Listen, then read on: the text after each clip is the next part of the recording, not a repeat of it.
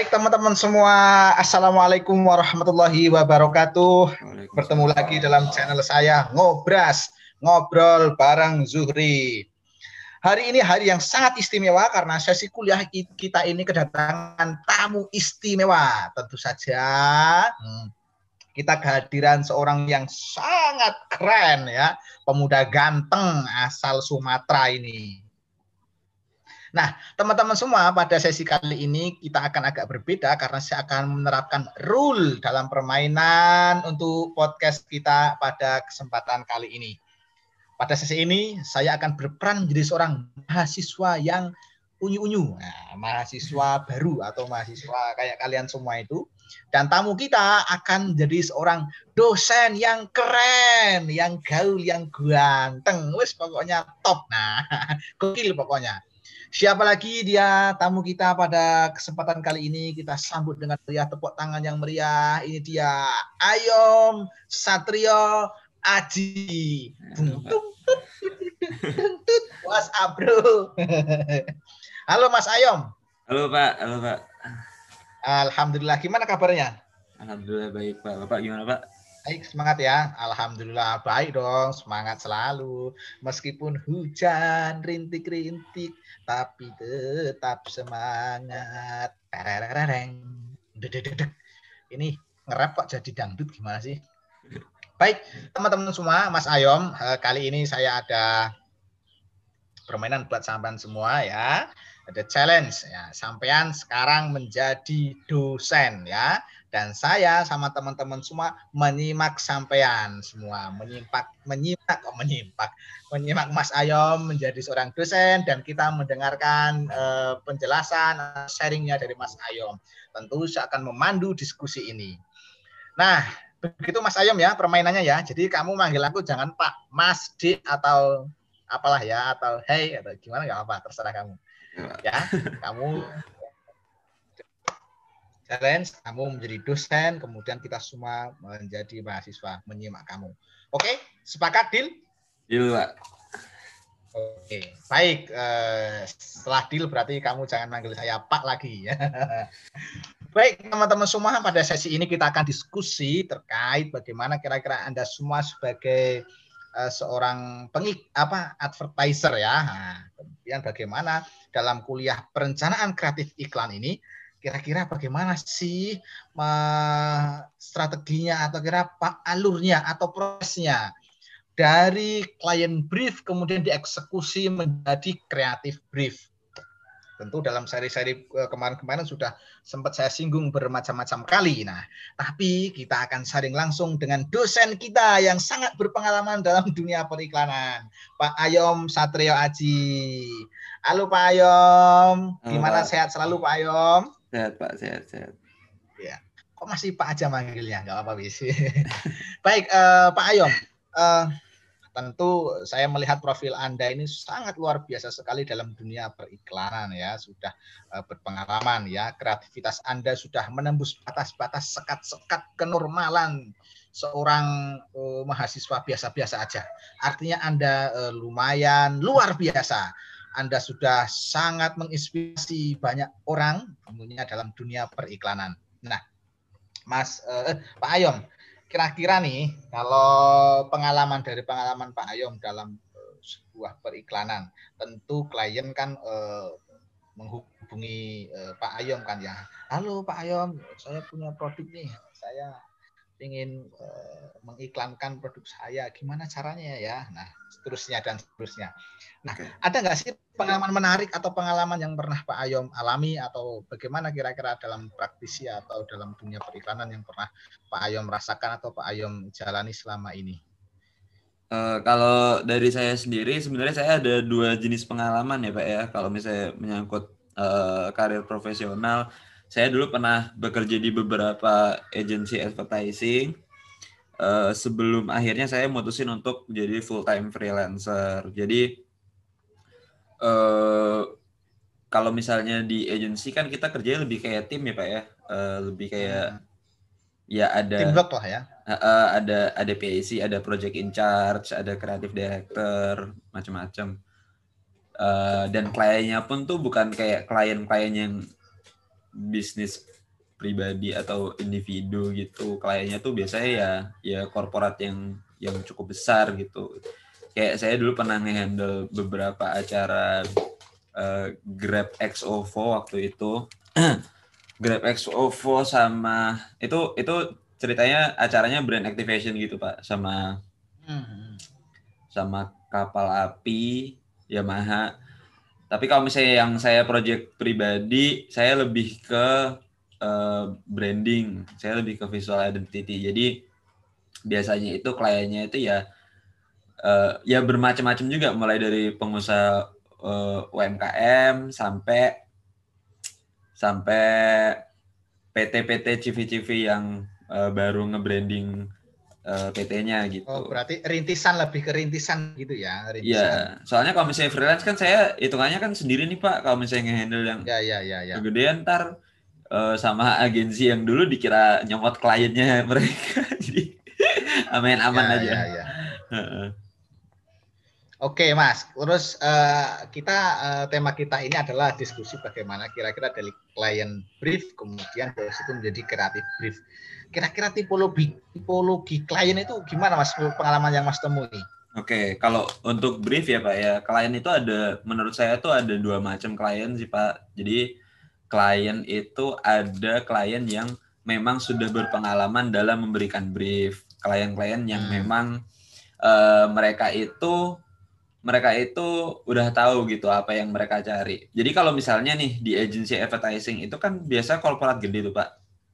Hmm, hmm, hmm. Nah korporat-korporat gede itu biasanya tuh mereka udah punya kreatif kreatif director sendiri gitu.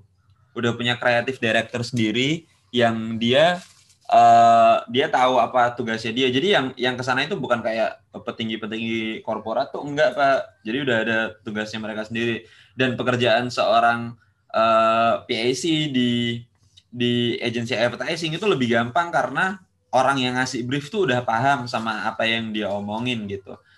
Nah, yang yang yang agak tricky ini klien jenis kedua nih Pak. Klien jenis kedua itu klien yang sebenarnya dia sendiri tuh nggak ngerti apa yang dia mau gitu. Sebenarnya hmm, dia ya, ya, ya, jadi ya. jadi istilah kata brief brief itu bahkan nggak ada gitu kalau misalnya dari klien-klien yang dia nggak pernah ada uh, urusan sama periklanan sama desain itu mereka kayak mereka bener-bener buta gitu. Nah untuk klien yang jenis ini nih Pak tugas kita uh, sebagai sebagai orang yang di tanggung jawabin ya tugas kita tuh sebenarnya tuh ngarahin dia untuk ngebriefing kita gitu Pak. Kalau saya sendiri untuk klien-klien yang blind masalah masalah uh, briefing gitu, biasanya saya ngasih pertama kali itu Google Form dulu pak. Google Formnya tuh template banget sih Google Form. Google Form tentang kebutuhan dia untuk uh, produk dia, untuk uh, jasa dia gitu. Nah nanti uh, setelah itu baru kita jadwalkan meeting, biasanya kayak gitu pak. Artinya memang ada dua tipologi dari klien ya. Yang pertama memang sudah mengetahui eh, yang ingin dia capai, kemudian apa namanya target-targetnya sudah jelas. Yang kedua memang tipikal eh, klien yang memang masih abstrak ya, absurd. Ya. Artinya memang klien yang belum jelas eh, dia ini pengennya apa ya? Mungkin pengennya cuma pengen dagangannya laku, tapi nggak nah. tahu gimana caranya. Pokoknya pasrah bongkoan nah, gitu ya. gitu. Hanya ya, pasrah bongkoan kepada kita gitu ya. Bahkan ditanya uh, eh kita brief dulu. Kadang kalian juga bingung apa itu brief kan itu. Pokoknya terserah Mas aja lah. Yang penting bagus, yang penting apa iklannya keren. Kadang kan kayak gitu. Kalian memang nah, kayak gitu. Ya memang uh, itu di dunia real ya, di dunia uh, apa namanya uh, yang kita hadapi sehari-hari. Oke. Kemudian Mas uh, Pak Ayom nih, kira-kira dari pengalaman Pak Ayom sebagai dosen sekaligus praktisi periklanan nih, uh, strategi apa yang uh, bisa digunakan untuk menyikapi dua tipikal uh, klien kita? Tipikal katakan kita tipikal A dan B ya, yang A itu yang sudah uh, matang, kemudian yang B ini yang masih abstrak, artinya okay. memang perlu kita arahkan. Nanti sudah disampaikan sedikit, kira-kira kalau yang untuk yang abstrak memang kita ada briefing, kemudian biasanya ada FGG atau brainstorming bersama gitu ya. Iya, yeah, iya. Yeah. Cuma kalau yang penting nih misalkan ini untuk yang uh, klien masih abstrak, kira-kira gimana untuk mengeksekusi menjadi uh, strategi kreatifnya itu, Mas? Oke, okay. kalau kalau dari sebenarnya untuk masalah nge-handle brief ini sebenarnya sama aja dua jenis klien itu karena ya biasanya ya kita kita kita pokoknya harus berasumsi bahwa klien datang ke kita itu karena mereka butuh gitu kan karena mereka nggak tahu asumsi pertama kita itu jangan sampai kita uh, nganggep wah udahlah klien udah ngerti gitu nah lalu kalau misalnya untuk eksekusinya nih Pak, yang orang-orang yang mungkin masih abstrak briefnya, pertama kali kan tadi kita harus ngasih mereka uh, arahan gitu. Karena brief itu kan sebenarnya bukan apa yang klien butuhkan. Brief itu sebenarnya kita yang butuh gitu. Kita yang butuh untuk ngelakuin project kreatif Betul. itu gitu. Ya, nah, jadi sekali. jadi kita yang minta ke klien nih, ah, yang kita butuhkan tuh apa aja. Semisal kalau misalnya saya lagi ngurusin uh, brand activation berarti yang perlu yang saya butuhkan adalah paling penting adalah identitas brand. Yang pertama identitas brand ya mulai dari logo, warna, tagline dan lain-lain. Lalu uh, selanjutnya adalah target pasar. Target pasarnya brand itu siapa aja? Itu perlu dijelasin banget tuh kayak demografinya. Uh, mereka mereka tuh target pasarnya tuh laki-laki atau perempuan habis itu umurnya berapa pekerjaannya apa mahasiswa kah atau mungkin profesional gitu misal ada brand activation waktu itu saya nge-branding cafe di Ponorogo. Ya Ponorogo itu kan daerah yang masih belum ter, belum serame Jogja ya istilah kata ya. Nah jadi hmm. uh, gimana cafe itu dikenal orang banyak? Nah brand activation kan banyak macam-macam tuh pak. Ada yang offline ada yang online. Nah waktu itu dia pengen ngadain offline. Berarti uh, gimana kalau misalnya ngadain live musik? Padahal sekarang kan lagi corona. Berarti uh, brief itu harus saya tolak karena nanti nggak efektif acaranya contohnya seperti itu Uh, jadi untuk mengarahkan klien yang briefnya masih uh, kosong banget nih, kita harus nyusun kerangka dulu. Yang pertama kali yang harus kita lakukan, kita harus nyusun kerangka apa yang kita butuhkan terlebih dahulu nih sebagai kreatif uh, director udah tersusun apa yang kita butuhkan mulai dari identitas brand atau jasa atau perusahaan terus habis itu target pasarnya terus habis itu goalsnya dia apa. Goalsnya tuh harus di define ya pak ya. Goalsnya itu nggak bisa yang kayak oh yang penting produk saya laku. Oh yang penting brand saya. Nggak bisa. Kita harus tahu dulu nih sebenarnya dia tuh pertama dia dia uh, menyasar kualitas atau kuantitas gitu. Macam-macam ada ada brand yang dia udah pokoknya kuantitas. Pokoknya produk gue laku keras gitu. Ada ada yang uh, brand yang nggak semua orang beli brand saya gitu ada. Jadi itu juga perlu tuh. Nah pentingnya pro proses ini adalah istilah kata kan briefing ini itu jembatan nih pak ya? Jembatan dari ya. si si perkataan mentahnya klien ini jadi bahan brainstorm kita gitu. Nah kalau jembatannya nggak nggak nggak cukup kuat nih, nanti ke depannya yang jadi masalah ya kita bisa jatuh dalam lubang revisi yang tidak berhenti-henti atau ya yang yang yang paling parah adalah goalsnya klien nggak tercapai gitu pak. Ya ya ya. Ya baik menarik sekali ya pengalaman eh, Pak Ayom ini jadi dalam membongkar ide kreatif dari klien brief hingga menjadi kreatif brief, uh, rupanya memang uh, tidak bisa uh, berangkat sendiri-sendiri. Artinya antara konsumen atau klien dengan kita ini harus ada interaksi ya, antar interaksi uh, timbal balik yang memang prinsipnya adalah mendukung apa-apa saja yang diperlukan untuk uh, eksekusi uh, kreatif. Nah, yeah kita berangkat ke uh, step berikutnya tentang uh, kreatif brief. Uh, pengalaman pernah nggak menemukan pengalaman yang unik ya atau misalkan eh ini kok malah jadi sesuatu yang menarik nih dari sesuatu uh, yang abstrak misalkan dari hmm. ketidaktahuan uh, klien kemudian uh, Pak Ayom ini justru menemukan sesuatu yang uh, menarik kayak gitu. Ada nggak sih pengalaman yang unik kayak gitu? Uh, ada sih pak, ada sih pak waktu itu.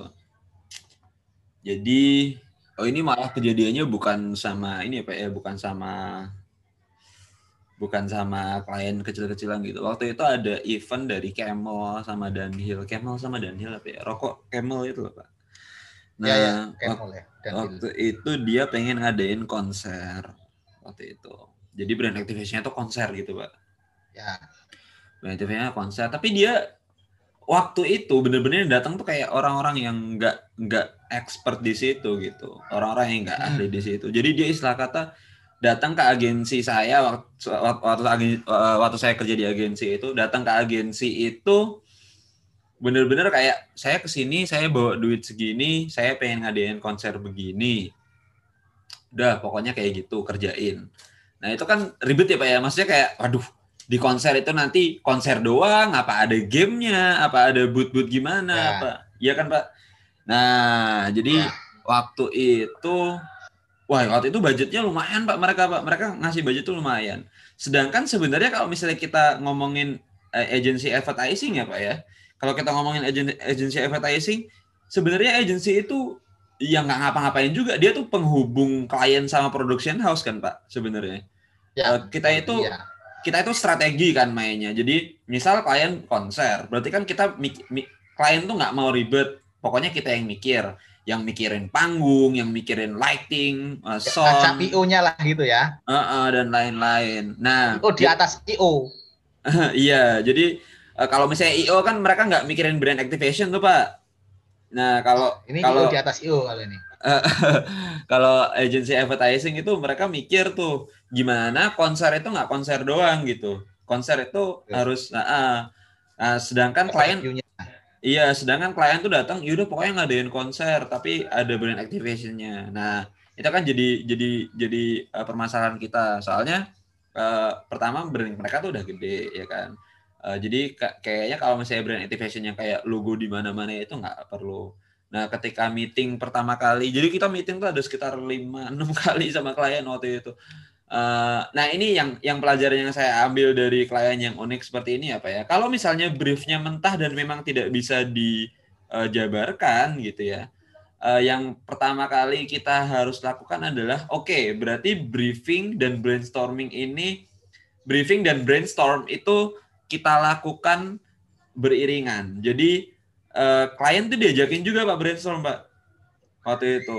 Jadi klien hmm. tuh diajakin juga tuh meeting brainstorm masalah dari masalah konsep sampai rigging panggung yang 3D itu bener-bener diajakin. Nah, uh, kalau konser ya ya simple konser waktu itu kita kita bilang kalau misalnya Bapak mau konser aja ya konser gampang Pak, konser tinggal konser gitu. Tapi gimana caranya konser Bapak ini bikin orang-orang sadar nih sama brand Bapak namanya juga brand activation. Nah, akhirnya waktu itu kita mengajukan beberapa konsep. Salah satunya yang diterima itu adalah tiketnya itu murah. Tiketnya itu sekitar itu waktu itu konsernya Sela on Seven tuh, Pak. Tiketnya itu sekitar cuma sepuluh ribu aja, tapi dia harus beli rokok waktu itu untuk tiketnya atau at least nunjukin rok kalau dia pakai rokok itu ya habis itu uh, berarti kan itu hitungannya itu hard selling apa soft selling apa kira-kira hard selling lah ya berarti ya. Iya. Mak maksa maksa beli. Nah waktu itu uh, akhirnya kayak gitu dan kebetulan meledak tuh waktu itu. Jadi istilah kata mereka dari penjualan tiket aja mereka bisa dapat 30% lah ya dari semua total yang mereka keluarkan untuk konser plus mereka dapat penjualan produk. Jadi itu, itu ya. Uh, uh, jadi itu uh, pembangunan relasi pertama tuh sama klien yang kebetulan berhasil. Padahal waktu itu briefnya, wah briefnya kasar banget. Tadi itu pak pengen konser aja gitu. Oh jadi begini, uh, mungkin uh, bisa disaringkan ke teman-teman semua. Ternyata dalam dunia periklanan itu kita tidak mesti melulu bicara soal produk strategi produk, ide kreatif. Nah, ternyata dari pengalaman Pak Ayom, Pak Ayom ini uh, justru kadang agensi kalau kita di agensi ya memang ada perbedaan yang sangat mencolok gitu ya Pak Ayom ya di antara agensi sama freelancer uh, advertiser. Yeah. Jadi bukan hanya sekedar desain, kemudian uh, copywriting dan seterusnya, tapi kalau dalam agensi kadang itu memang tugas kita semakin luas ya, semakin besar karena kadang handle-handle event, kemudian acara-acara yang melibatkan banyak sekali uh, audiens kan gitu. Yeah. Bukan hanya iklan dibuat, diproduksi dalam media kemudian disebarkan, tapi memang kalau ini kan audiens secara langsung ya menyaksikan uh, karya kita.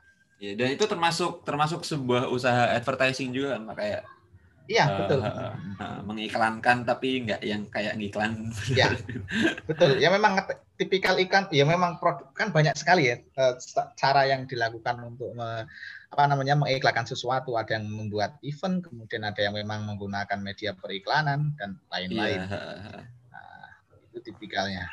Baik, ini pengalaman yang sangat luar biasa dari Mas Ayom. Uh, bisa sharing nggak kira-kira nih kapan nih ya? Uh, kadang-kadang bisa kan uh, kita kan bicara tentang uh, ide kreatif gitu. Kalau menurut uh, Pak Ayom itu untuk memunculkan ide kreatif yang bisa ditawarkan ke klien kira-kira seperti apa strateginya? Oke, kalau misalnya ide kreatif ide kreatif itu bukan sesuatu yang tiba-tiba uh, kita kita sebagai pekerja kreatif kita harus benar-benar sadar bahwa ide kreatif itu bukan sesuatu yang tiba-tiba muncul. Ide kreatif itu sesuatu yang dibentuk oleh proses gitu ya Pak ya. Jadi uh, ide kreatif itu posisinya mungkin setelah uh, di di antara brief sama brainstorm ya mungkin ya ide kreatif. Nah, apa yang diperlukan sama ide kreatif, brief sebuah ide kreatif, eh apa namanya eh, bahan-bahannya ide kreatif itu ya adanya di brief gitu. Jadi ketika briefing, ketika briefing uh, usahakan ya. uh, kekurangan dari kebanyakan uh, kekurangan dari kebanyakan pekerja kreatif itu adalah mereka pasif gitu pak. Jadi klien ngasih brief, oh ya udah, saya kerjain gitu. Itu itu itu sebuah kesalahan besar yang dulu pernah saya lakukan juga. Jadi uh, sebagai namanya juga pekerja kreatif kita tuh harus kreatif gitu. Termasuk dalam menerima brief dari klien. Kita harus wawancarai klien atau harus investigasi klien bener-bener bener-bener kita harus dapat bahan yang cukup banyak. Jadi ketika nanti untuk meminim, untuk meminimalisir ketika nanti udah proses kreatif nih pengumpulan ide kreatif brainstorming itu kita nggak kayak waduh nggak ada ide ini nih nggak ada sebenarnya nggak nggak nggak kayak gitu gitu. Itu yang pertama. Aspek pertama adalah bahan untuk membentuk ide kreatif tadi. Nah aspek kedua adalah dari individu masing-masing nih pak dari kita sendiri biasanya tuh kan kalau misalnya seniman atau mungkin uh, desainer gitu mereka tuh ada yang namanya art block gitu kayak aduh saya stuck nih nggak nggak bisa mikir ide gitu nah itu sesuatu yang kalau kalau dari waktu saya uh, ngambil online course itu, menurut saya sendiri sebenarnya art, art block itu bukan sesuatu yang harus dipaksakan. Jadi kalau kata mentor saya dulu, kalau kamu stuck ide, itu kayak kamu lagi usaha buat tidur gitu. Pengen tidur nih Pak, pengen tidur awal. Uh, kita kalau pengen tidur, itu kalau kita paksain buat ah pengen tidur gitu. Wah, makin susah tuh tidur tuh. Tidur tuh kayak waduh malah malah jadi nggak bisa iya, tidur ya, ya. karena karena dipaksa malah nggak nyaman gitu ya. Nah, nah sama kayak ide tuh kayak gitu juga. Ide itu juga sama. Bukan berarti kita pasif diem aja untuk dapetin ide tapi kita sendiri tuh harus memperkaya gitu.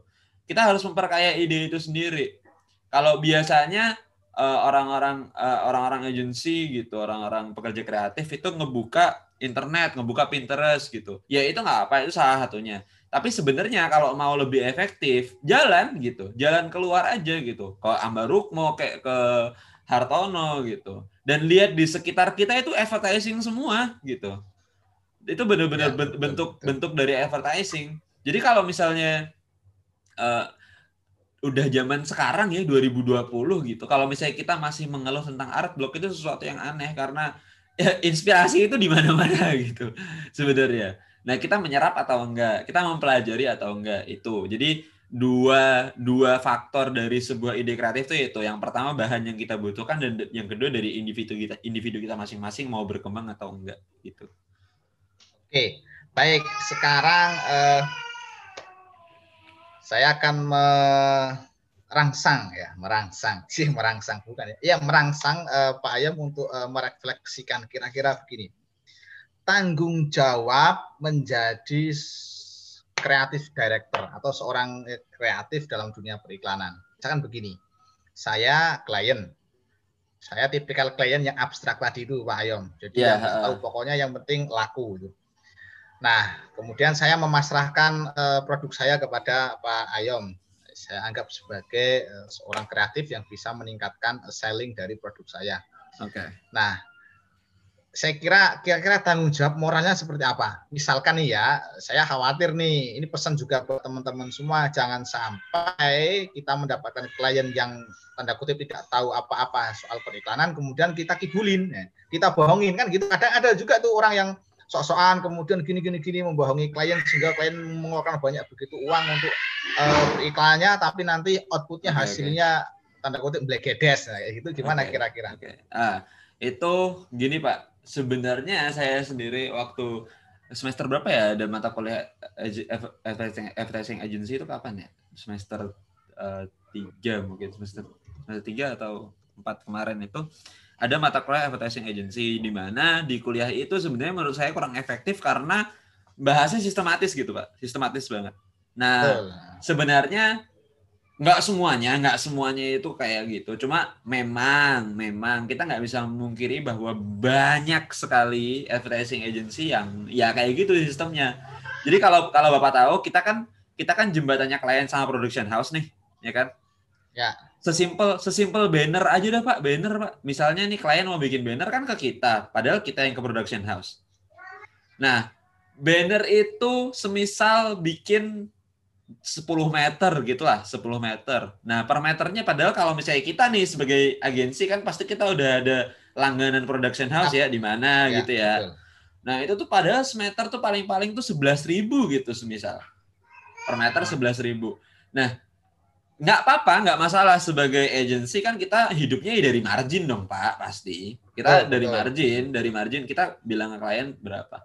Tapi uh, kalau etikanya sebenarnya etikanya adalah marginnya itu dikasih tahu klien. Jadi klien pun tahu marginnya. Jadi istilah kata nggak ada uang nggak ada uang yang dia korupsi lah istilah kata berarti ya. Nah, ya. nah uh, tapi kebanyakan uh, agensi itu nggak gitu. Jadi mereka uh, bekerja sama sama production house-nya malah Pak kalau misalnya Bapak tahu kerja sama sama iya, production ya, ya. house buat naikin gitu padahal sebenarnya ya nggak segitu dan naikinnya pun luar biasa. Nah, kalau itu sendiri mungkin karena uh, itu kerja tim ya waktu itu. Jadi saya pun nggak bisa ngapa-ngapain. No, saya saya saya PIC gitu kan. Saya saya project in charge tapi finance-nya bukan saya. Jadi uh, itu balik ke moral masing-masing. Uh, ke etika masing-masing. Tapi kebetulan waktu saya udah jadi full time freelance nih, waktu saya jadi udah jadi full time freelance, saya punya uh, yang namanya rate card gitu. Rate card itu saya tunjukkan ke klien uh, ketika kita udah deal mau mengerjakan project. Jadi klien udah tahu nih transparan rate card saya untuk jenis bisnis Bapak itu segini gitu. Kalau misalnya saya diundang jadi pembicara pun saya punya rate card sendiri. Kalau misalnya saya tuh uh, per jam segini gitu. Jadi uh, kita bisa kita bisa punya ilmu advertising seluas apa pun tapi uh, pendidikan moral nomor satu ya praktek moral nomor satu nah, jangan sampai ini keywordnya yang kita inginkan jadi teman-teman advertiser uh, prodi ilmu komunikasi Winston Kalijaga itu ya punya ini ada value tersendiri. Nah, nah iya. ini yang apa namanya kita suka dari Pak Ayom Satrio dosen kita. Oke, pasang meriah Pak dosen kita pada sesi ini sangat uh, menginspirasi sekali, sangat inspiratif uh, Pak Ayom ini. Terima kasih Pak Ayom atas waktunya sudah membersamai kita semua dalam seri kuliah pada hari ini. Iya Pak, sama-sama. Oke Pak Ayom. Baik Pak. Nah, sekarang kita kembali ke laptop. Careng. Oke, terima kasih. Barusan kita mendengarkan bersama sharing session bersama teman kita uh, Mas Ayom Satrio yang pengalamannya sudah cukup uh, uh, luar biasa sekali dalam dunia periklanan. Jadi ya kita. Jadi terima kasih sekali sudah sharing bersama. Tentu kalau saya sih perkuliahan selalu uh, falsafah lagu reggae yang saya suka ya. Hmm. Ya, duduk uh, sama rendah, berdiri, nggak ada raja, pokoknya gitu. Intinya yeah. semua sama. Ilmu bisa dipetik dari mana saja. Yang penting kita tetap semangat untuk memperbaiki diri dan kompetensi diri kita.